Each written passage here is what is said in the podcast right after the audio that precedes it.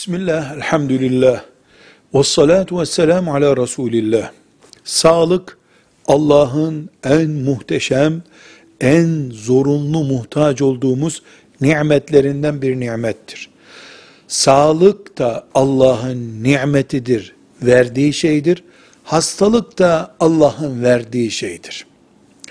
Hastalık eğer bizim aleni bir hatamızdan kaynaklandıysa, yani bilerek baş göz yardıysak, bir sorumluluğumuz var demektir.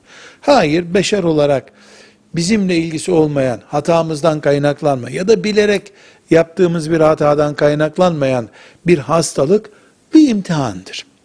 Tedavi olmazsak günaha girer miyiz? Tarihimizde yani İslam'ın bugüne kadar gelen tarihinde bazı ince düşünceli Allah'ın dostları ya bu hastalıkta madem Allah'tan geliyor tedavi olup karşı çıkmış gibi olmayayım şeklinde görüş belirtmişlerdir. Zannediyorum bu soruda bu görüşlerin duyulduğu bir ortamdan bize intikal etmiş olmalı. Ee, ama ümmeti Muhammed'in alimlerinin, fakihlerinin, müfessirlerinin, mütefekkirlerinin büyük oranda, çoğunlukta neredeyse icma etmiş gibi sayabileceğimiz çaptaki görüş birliği şudur. Hasta olmak Allah'tan geliyor, tedavi olmamızı da Allah emrediyor.